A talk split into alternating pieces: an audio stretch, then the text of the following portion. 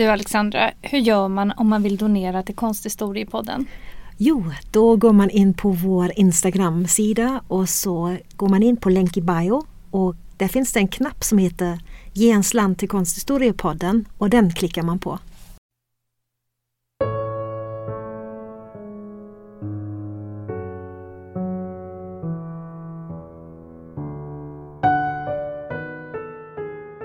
Hej och välkomna till Konsthistoriepodden. Jag heter Alexandra Frid.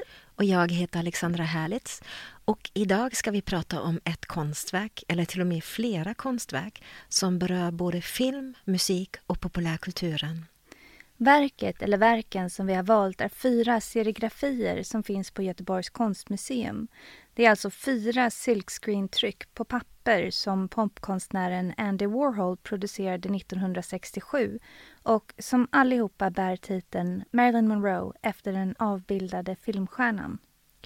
Vi ska börja med en beskrivning av de fyra trycken i serien som är likadana till sin form medan det är färgsättningen som skiljer sig i de olika verken.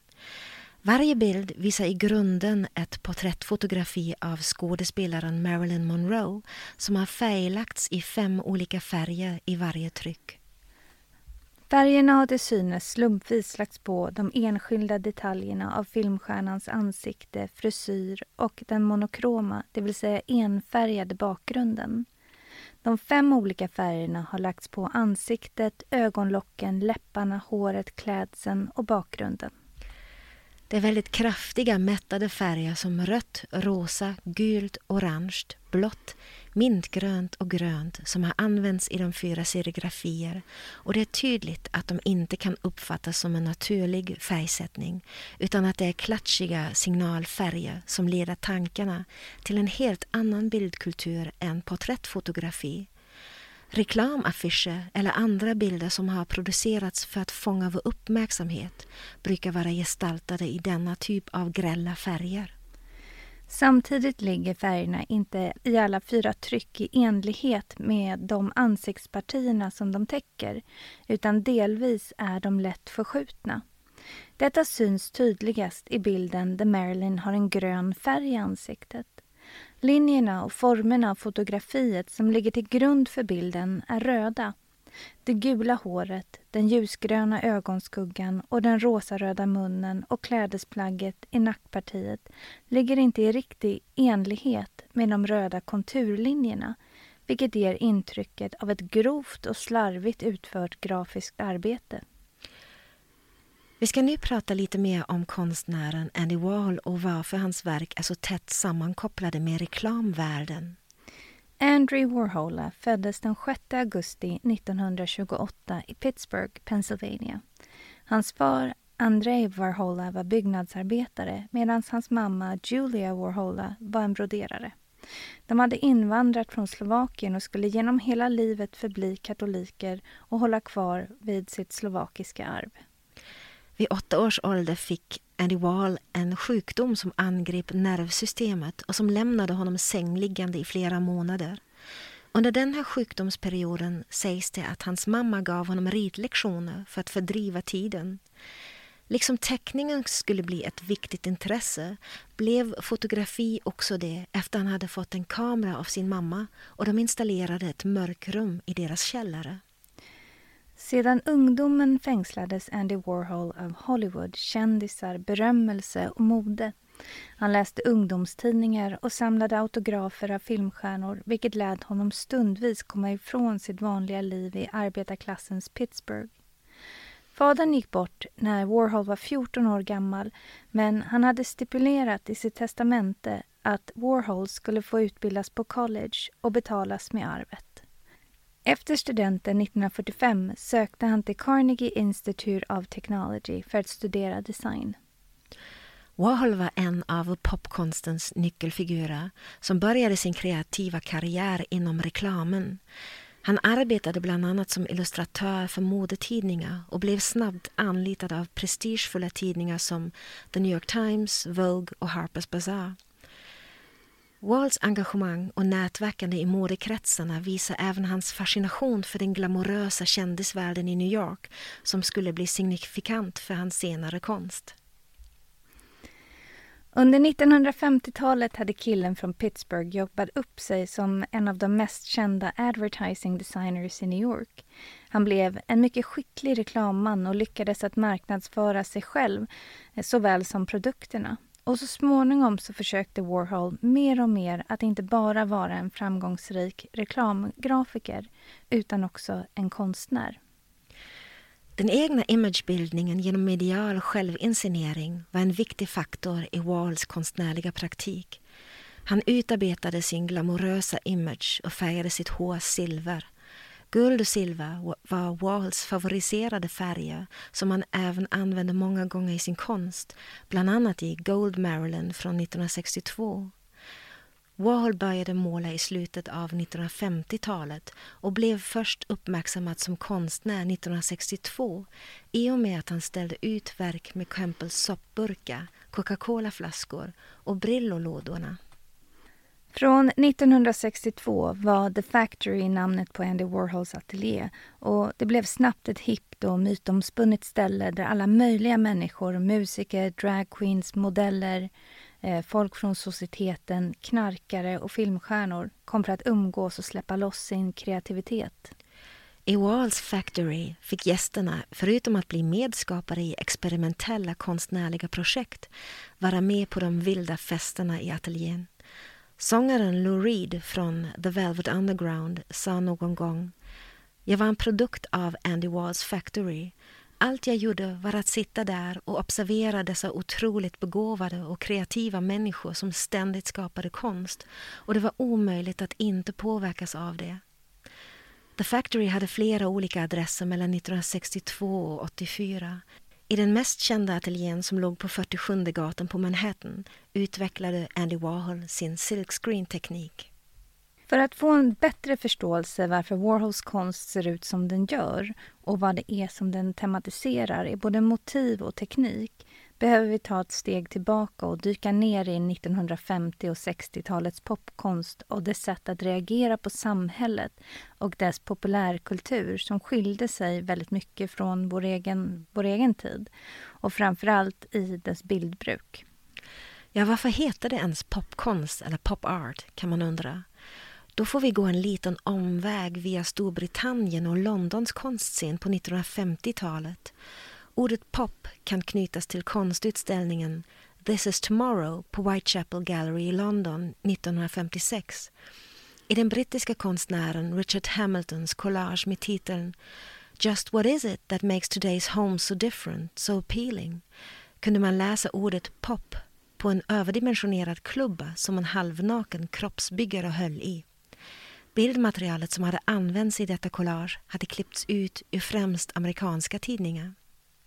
Richard Hamilton ingick i en informell grupp av konstnärer, arkitekter och kritiker som grundades 1952 på Institute of Contemporary Arts i London som kallade sig själv för The Independent Group. Det som alla medlemmar hade gemensamt var ett intresse för den samtida populärkulturen som välte in från USA. The Independent Group intresserade sig för alla möjliga relaterade massfenomen såsom reklam, tecknade serier, skivomslag, tidskrifter med deras rika bildmaterial. Samtidigt som konstnärerna i gruppen var utbildade på traditionellt sätt inspirerades de av masskulturens bildvärld och tekniker. Det som vi inte får glömma när vi närmar oss denna tid är att vi är så vana nu för tiden vid alla bilder som finns runt omkring oss hela tiden. Vi är omgivna av reklamer och färgaffischer och andra bilder när vi går genom stan och rör oss i det offentliga rummet, men även i digitala rum som internet. När vi går tillbaka till 1950-talet, då är vi inne på en tid då detta permanenta bildflöde runt omkring oss precis börjar ta fart. Popkonsten har med andra ord sitt ursprung i detta massmediala konsumtionssamhälle som växte fram efter andra världskriget. Ledorden för Hamilton och många av de andra popkonstnärerna var att konsten skulle vara populär, det vill säga den skulle vara gjord för en stor publik. Den skulle vara aktuell och bara fungera under en kort tid. Den skulle vara snabbt förbrukad och lättglömd samtidigt som den skulle vara billig, massproducerad ungdomlig, sexig och tjusig samt utstråla big business. Popkonsten har länge beskrivits som en amerikansk uppfinning men popkonsten växer alltså fram på båda sidor av Atlanten samtidigt. I USA dominerades konstscenen på 1950-talet av den amerikanska abstrakta expressionismen med konstnärer som Jackson Pollock, Mark Rothko och Barnett Newman, för att nämna några få. Under 1950-talet började dock andra stilar träda fram och en del konstverk i popkonstens anda började skapas. Robert Rauschenberg skapade collage, alltså konstverk som innehöll bland annat utklippta och sammansatta tidningsbilder, men även så kallade combines, när han satte ihop måleri med tredimensionella föremål som var tagna från vardagslivet. Både de engelska och de amerikanska popkonstnärerna utgick från populärkulturella fenomen och massmedia när de skapade sina verk. Många motiv härstammade från underhållningsindustrin. Hollywoodstjärnor som Marilyn Monroe och musiker som Elvis Presley blev avbildade i konstverken. Tidningsbilder på populära filmfigurer som Tarzan, som spelades av Johnny Weissmuller, klipptes ut och klistrades in i verken. Serier utifrån tecknade serier som ansågs vara banala berättelser och en populärkultur man såg ner på uppförstorades och heroiserade de avbildade figurerna och deras berättelser så att det skapades en helt annan tyngd och dramatik i bilderna. Fotografiska förlagor från alla möjliga håll som vykort, mjukporrstidningar eller reklambroschyrer hittade sin väg in i konsten. Njutningsmedel som cigaretter och öl och inte minst Coca-Cola-flaskan med sin lätt igenkännbara form och ikoniska emblem avbildades eller införlivades i konstverken. I princip hamnade alla produkter som förknippades med massmedia och masskonsumtion, alltså den breda befolkningens vardag, i konsten. Och det spelade ingen roll om det var stillbilder från Hollywoodfilmer, ikoniska konstverk som Mona Lisa eller berömda varumärken som Campbell's Soup Cans på burk som började figurera i konsten. Alla samtida intryck och uttryck från populärkulturen, samtidens konsumtion och massmedia som tv, biografer och tidskrifter var ett intresse för popkonstnärerna. Popkonsten var tillgänglig för den breda allmänheten vad som gäller motiven och formspråket och hade även ett uttalat intresse att utplåna skillnaderna mellan finkulturen och den populära masskulturen. Man ser den tydliga strategin att ge populärkulturen högre status genom att ta in den i konsten och in i konstens finrum. Samtidigt skulle ikoniska konstverk som Mona Lisa tas ner från sin piedestal genom att massproducera dem i stora kvantiteter. Men eh, trots dessa ambitioner blev även popkonsten elitär och visades på ryktbara gallerier och köptes av den förmögna konstsamlareliten. Den enda gången popkonsten lyckades att verkligen överskrida gränserna mellan finkultur och populärkultur ser vi på skivomslagen som skapades av vissa av dessa popkonstnärer. Richard Hamilton, som vi talade om inledningsvis, stod för den asketiska designen av The Beatles så kallade White Album från 1968. Konstnärsparet Peter Blake och hans fru Jan Hayworth skapade 1967 det fotografiska collaget till The Beatles skiva Sgt. Pepper's Lonely Hearts Club Band. Och Andy Warhol gjorde flera legendariska skivomslag. Till exempel till The Rolling Stones album Sticky Fingers från 1971. Omslaget visar närbilden av en jeansklädd man där en verklig dragkedja satt på skivomslaget som man kunde dra ner för att se samma modell enbart bärandes vita kalsonger. 1967 släpptes debutskivan The Velvet Underground and Nico av bandet som Andy Warhol själv producerade och även här stod Warhol själv för konsten på ännu ett legendariskt skivomslag. På omslaget syntes bilden av en banan. Den första utgåvan av skivan innehöll uppmaningen Peel slowly and see och när man drog av klistermärket som föreställde bananskalet så blev en köttfärgad banan synlig därunder. För att kunna producera detta intrikata skivomslag krävdes en särskild maskin. Skivbolaget var ändå villiga att stå för de utökade kostnaderna i samband med skivproduktionen för att man utgick från att Walls medverkan i den exklusiva formgivningen skulle få skivförsäljningen att explodera. Formspråket och de starka färgerna lånade popkonsten också från massmedia. Många popkonstverk liknar det visuella språket som vi ser i affischer, annonser och förpackningar.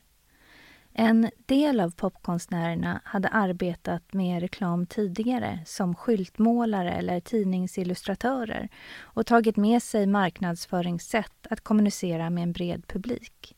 Men även de konstnärer som inte tidigare hade arbetat med reklam hyste ofta en stor respekt för de här bilderna av reklamtecknare och fotografer som de använde sig av i sina konstverk. Popkonsten som de skapade var gjord för det konsumtionssamhället som de verkade i. Det var en konst som skulle vara som alla dessa andra konsumerbara varor enligt slit och släng-mentaliteten. Motiven skulle gärna försvinna in i mängden och enkelt kännas igen och därför ser vi att konstnärer som Andy Wall skapar sina motiv i serier med bilder på personer och föremål som redan var ikoniska och massreproducerade i media som han sedan massreproducerade i ännu större kvantiteter i sina popkonstverk. Men hur masstillverkade Andy Wall sina bilder? De fyra Marilyn Monroes är serigrafier. Vad är det för något? Tidigt på 1960-talet, när Warhol hade flyttat till New York började han arbeta med porträttserier av kändisar som Elizabeth Taylor, Elvis Presley och Jackie Kennedy. Han valde då pressfotografier som redan befann sig i det mediala ögats uppmärksamhet och använde sig av silkscreen-teknik för att enkelt kunna producera ett flertal av tryck med vissa variationer.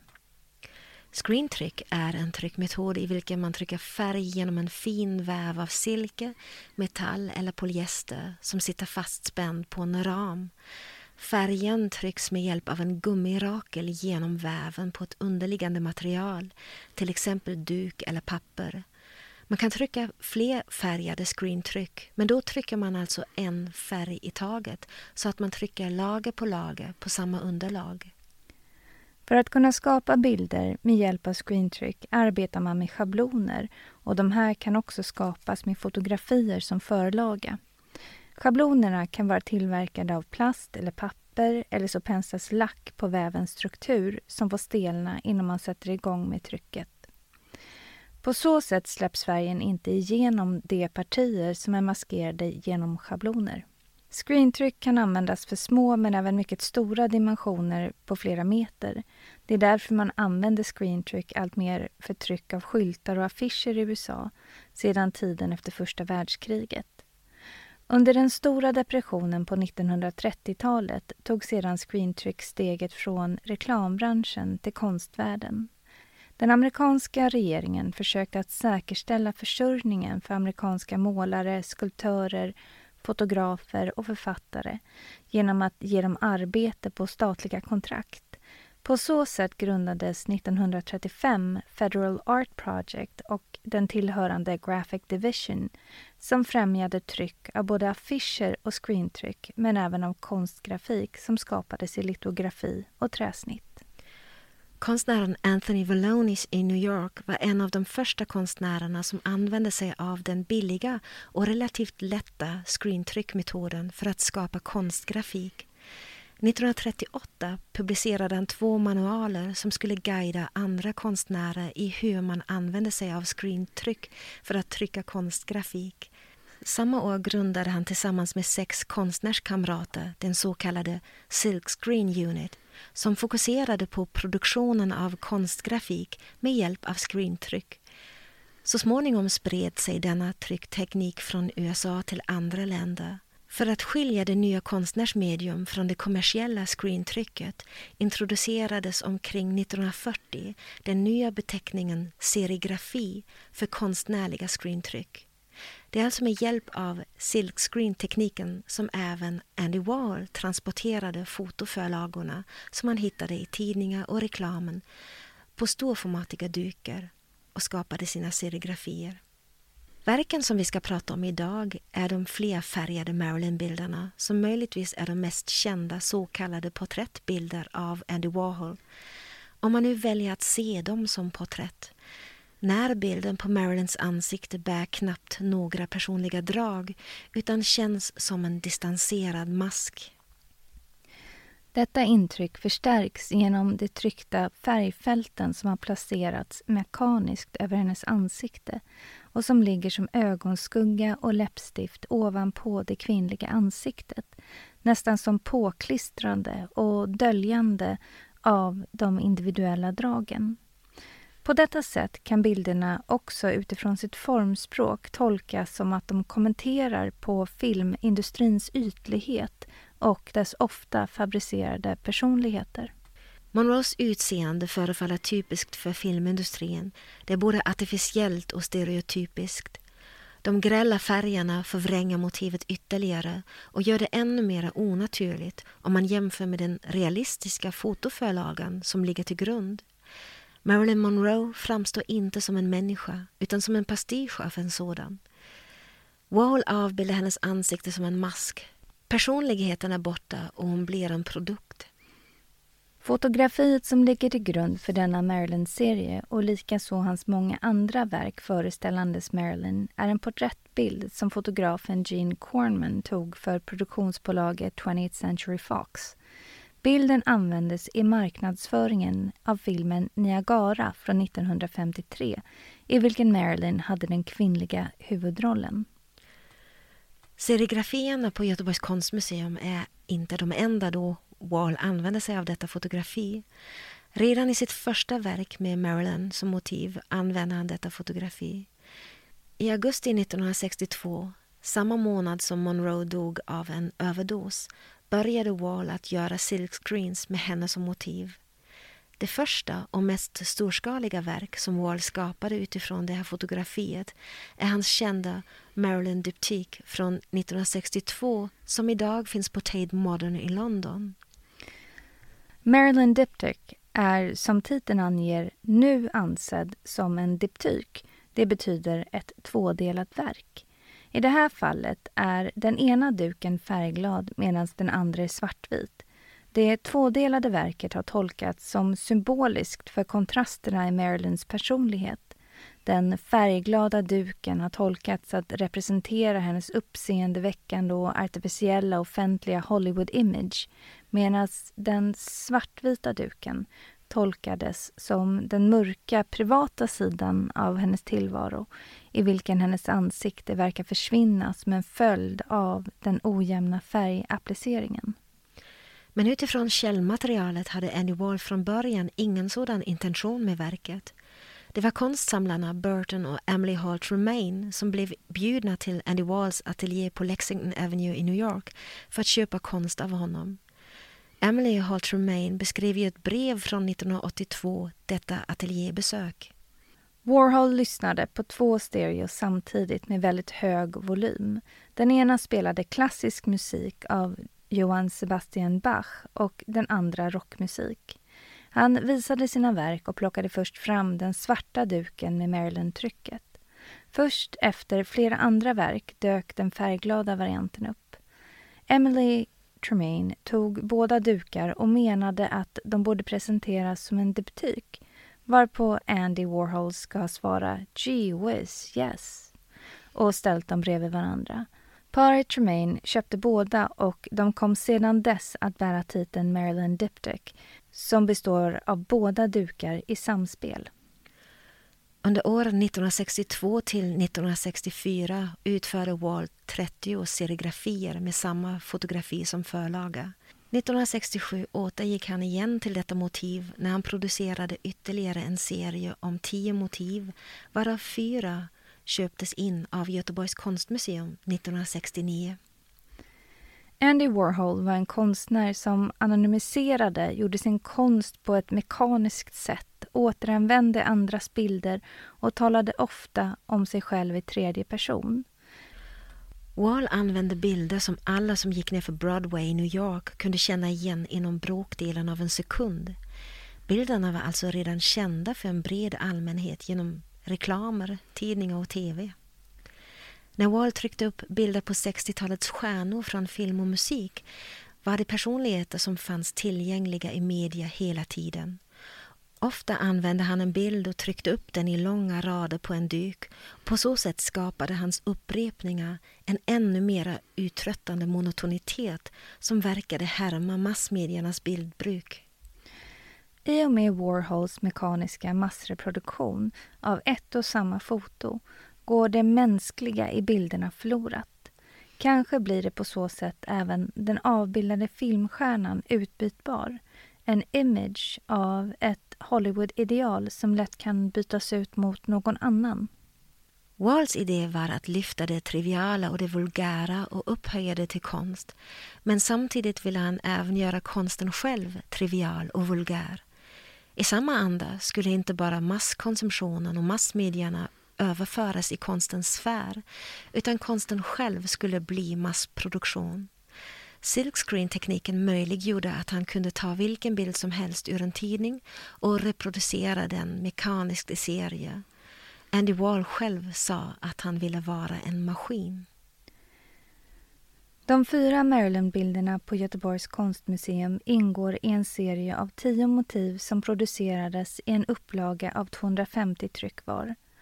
På baksidan av varje tryck finns Andy Warhols signatur i blyerts och tryckets numrering. Alla fyra Marilyn-bilder i Göteborg är det 97 av 250 tryck i serien från 1967. Walls silkscreen-teknik förde med sig ett särskilt uttryck i hans konstgrafik. De olika färgfälten i främst den gröna Marilyn är inte helt i enlighet med de röda konturlinjerna och sådana detaljer var Wall förtjust i. Det fick inte bli för perfekt. I andra serigrafier från Wall Studio kan vi se motiv som är ojämna och smutsigt tryckta. Det smutsiga i trycket blir ett mer och mer återkommande inslag i Warhols verk. Å ena sidan ville Warhol synliggöra massreproduktionen och den mekaniska processen. Å andra sidan producerade han nersmutsade tryck för att skapa en motsats till de perfekta, glättiga bildförlagorna som betraktare var vana att se i tabloidtidningarna. Marilyn-motivet var återkommande i Walls verk, kanske för att det innebar att Wall kunde tematisera två av sina favoritämnen i ett och samma verk. Kändisskap och död. Marilyn Monroe var en Hollywood-ikon som kunde ses som symbol för berömmelse och vår önskan att bli sedda. Samtidigt anknyter bilden till de många av Walls motiv som uttrycker hans fascination av döden. Det är efter Marilyn Monroes självmord 1962 som Andy Warhol tar upp henne som motiv och skapar de här återkommande bildserierna av henne. Men vem var denna Marilyn Monroe egentligen och vad vet vi om hennes status och det tragiska slutet av hennes liv som Warhol så snabbt förstod att ytterligare exploatera? Kanske har berättelsen om Marilyn Monroes liv berättats både en och två gånger. Hon har blivit mycket på grund av Walls avbildning av henne, den personifierade Hollywoodstjärnan. Marilyn har blivit mer för världen än bara en sexig blondin med väl tilltagna kurvor. Idag ser vi kanske Marilyn på ett annat sätt än man gjort tidigare. I intervjuer och fotografier är det en osäker kvinna som nervöst svarar på frågor eller söker kameralänsen. Visst ser man filmstjärnan, men det finns något mörkare där. En svärta och skörhet. Och den är omöjlig att inte lägga märke till nu när vi har Walls reproduktioner av henne. Vi känner ju till hennes tragiska barndom, missbruket, äktenskapen och relationerna till män, konspirationsteorierna och drivet att förbli en stjärna. När man granskar intervjuer och bilder av henne lämnar det en obekväm känsla. Marilyn Monroe föddes som Norma Jean Mortensen den 1 juni 1926 i Los Angeles, Kalifornien. Hennes mor Gladys Baker uppgav inte flickans fars identitet och hon döptes istället till Norma Jean Baker. Modern arbetade med klippning av film på RKO Studio men fick inte behålla sin anställning då hon inte kunde sköta sina arbetsuppgifter på grund av psykisk ohälsa. Norma Jean växte upp i olika foster och barnhem. Under en kort period från 1937 till 1942 bodde hon hos en väninna till modern men när fosterföräldrarna 1942 flyttade till östkusten hade de inte möjlighet att ta med sig den då 16-åriga Norma Jean. Det har ibland spekulerats kring varför de inte tog med sig den unga flickan som till synes äntligen hade fått en stabil tillvaro. Men fostermamman uppmuntrade istället grannpojken Jimmy, som var några år äldre, att börja dejta Norma Jean och 1942 gifte sig den 16-åriga Norma Jean med Jimmy Doherty. Jimmy Doherty var marinsoldat, stationerades ut i Stilla havet 1944 och efter makens avfärd arbetade Norma Jean i en fabrik. Där tog en dag fotografen David Conover hennes bilder. Han hade uppdraget att ta tidningsbilder av kvinnor som bidrog till krigsinsatsen genom att arbeta i fabrikernas produktion när männen var ute i fältet. Det första knäcket gav fler modelljobb och inom två år var hon en flitigt anlitad modell. Den unga Norma Jean såg upp till Hollywoodstjärnor som Jean Harlow och Lana Turner och började själv ta kurser i skådespeleri. När hennes make återvände hem 1946 ställdes hon inför ett svårt val och fick bestämma sig för äktenskapet eller karriären. Hon valde karriären och i juni 1946 skilde sig paret. Under de närmaste åren skrev hon på sina första och kortvariga kontrakt med filmstudios 20th Century Fox och Columbia Pictures. Det är också under den här tiden som hon börjar färga sitt hår blont och byter sitt namn till Marilyn Monroe. Efternamnet Monroe tog hon efter sin mormor men vägen till stjärnstatus var långt ifrån rak. Under den första tiden så fick Marilyn Monroe små, nästan statistliknande roller och det skulle dröja fram till 1950 som Marilyn fick en liten men viktig roll i Asfaltens djungel regisserad av John Huston. Samma år spelade hon mot Betty Davis i Allt om Eva som skulle ge henne mer positiv uppmärksamhet. En rad av filmroller följde men det är hennes tolkning av Rose Loomis, den unga vackra frun som planerar att döda sin äldre svartsjuke man i filmen Niagara från 1953 som gjorde henne till stjärna. I denna film cementerades både hennes status som sexsymbol och hennes look. I flera scener skyls hennes kropp enbart av ett lakan eller en handduk vilket var chockerande på denna tid. Filmen Niagara innehåller dessutom en 30 sekunder lång sekvens där man ser Monroe gåendes med svängande höfter. En scen som nyttjades flitigt för att marknadsföra filmen. Även hennes utseende etablerades med denna film då hennes makeup-look utvecklades som hennes varumärke. De mörka, välvda ögonbrynen i kombination med den bleka huden de glansiga röda läpparna och muschen, den lilla flörtiga skönhetsmärket nära läppen. Så reklambilden från Niagara som Andy Wall valde för att skapa sina ikoniska Marilyn-bilder härstammar just från den film som etablerade hennes status som sexsymbol och hennes signifikanta look, hennes mask som man skulle kunna säga. Rollen följdes av likartade huvudroller i Herrar föredrar blondiner och Hur man får en miljonär. 1953 utsåg Photoplay Magazine det 27-åriga blonda bombnedslaget till bästa nykomling och Marilyn Monroe hade slagit igenom ordentligt. Den 14 januari 1954 gifte sig baseballlegendaren Joe DiMaggio och Marilyn Monroe i San Franciscos stadshus efter de hade varit ihop i två år. Det nygifta paret reste till Tokyo för sin smekmånad. Under resans gång fick Monroe förfrågan om hon ville uppträda för de stationerade soldaterna i Korea. För första gången uppträdde Marilyn Monroe live för trupper och hennes närvaro orsakade nästan upplopp bland soldaterna. Klädd i en tajt klänning och med sin sexobjektpersona uppträdandes inför tiotusentals män kan man förstå att DiMaggio var obekväm med situationen. Den här problematiken skulle ty tyvärr förgifta hela deras äktenskap och nio månader senare, i oktober 1954, var skilsmässan ett faktum. Trots uppbrottet förblev de vänner livet ut. Det verkar som om även Marilyn Monroe tröttnade på att hela tiden spela den korkade blondinen och hon störde sig på att hon inte fick några allvarsamma roller. Därför sökte hon sig till New York för att studera under Lee Strasberg som drev The Actor Studio. Strasberg hade utvecklat method acting som teknik och utbildade stjärnor som till exempel Marlon Brando och Paul Newman för att nämna några alumni. New York gav henne andra perspektiv och 1956 etablerade hon sitt eget filmproduktionsföretag och samma år i juni gifte sig Monroe med författaren och dramatikern Arthur Miller och det skulle bli det äktenskap som varade längst.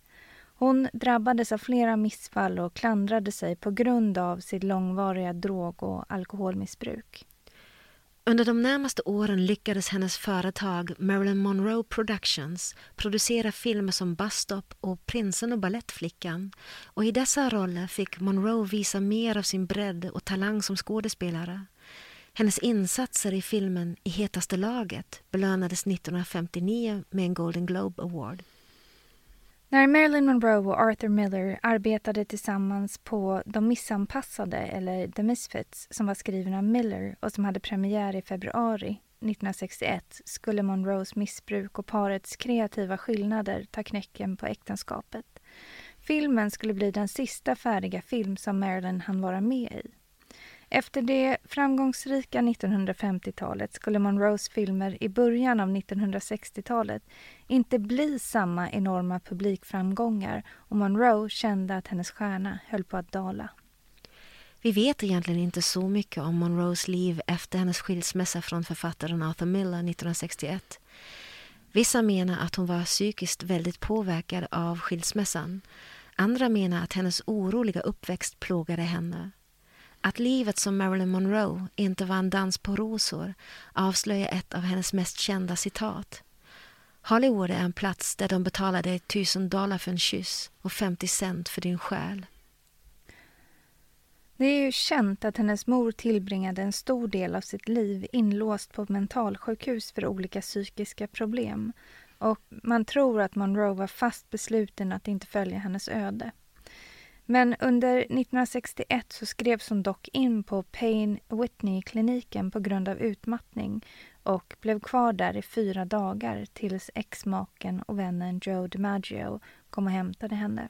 Hon skrevs då ut mot läkarens rekommendationer.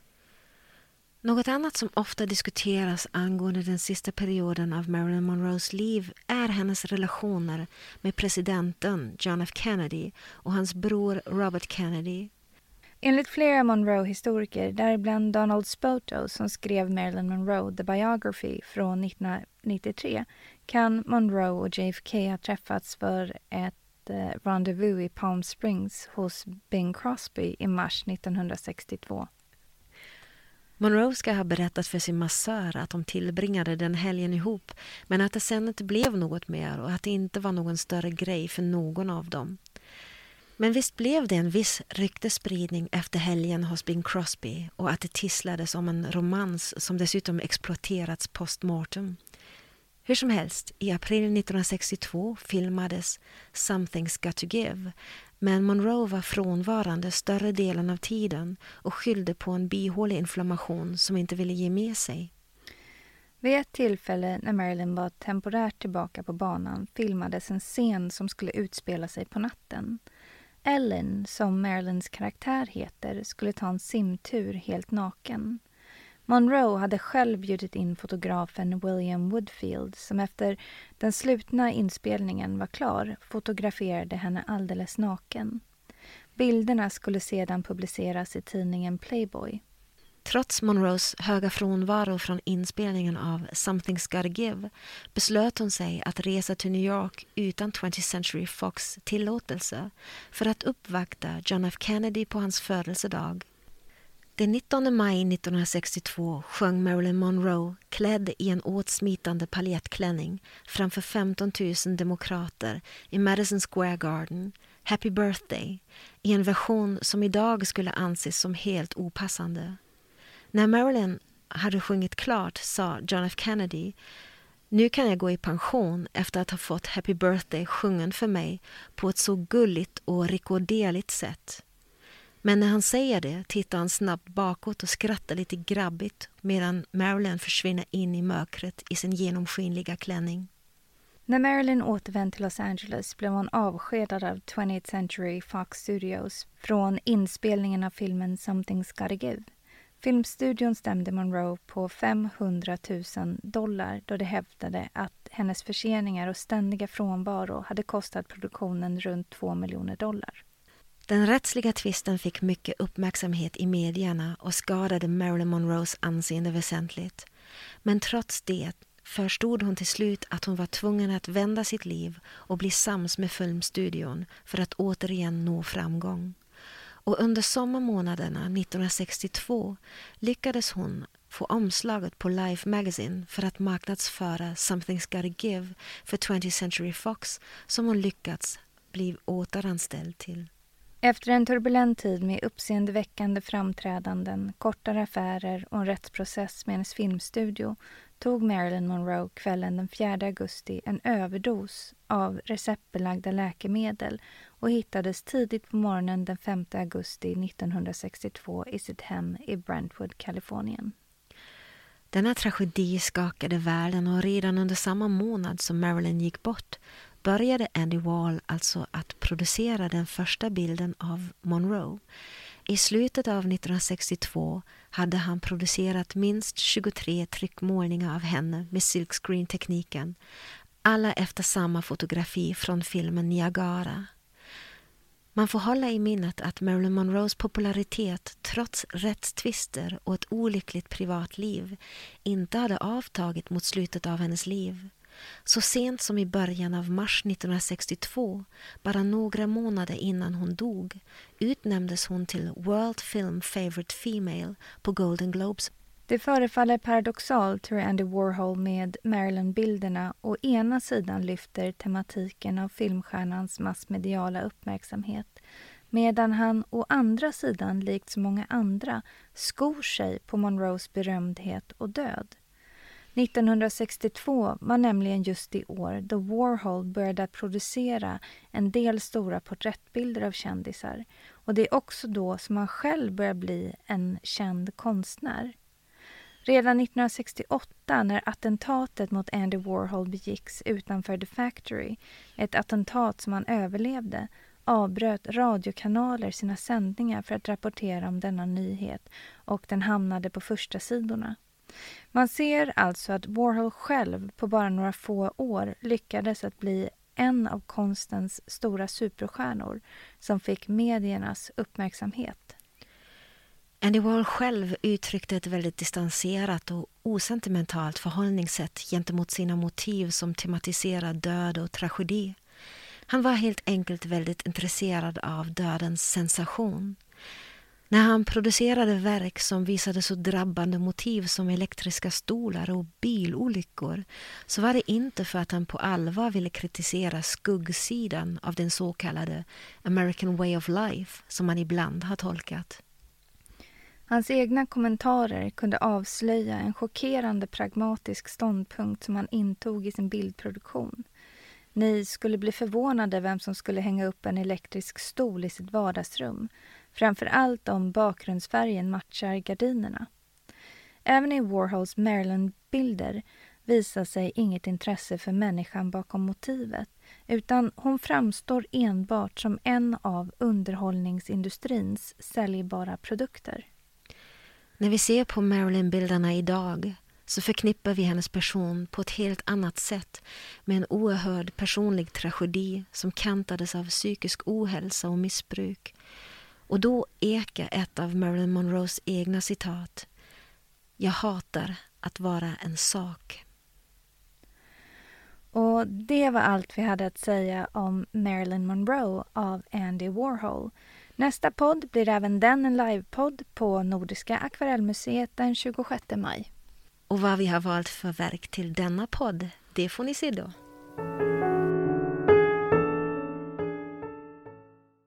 Konsthistoriepodden görs i samverkan med Göteborgs universitet och stiftelsen Gustav Adolf Bratts föreläsningsfond.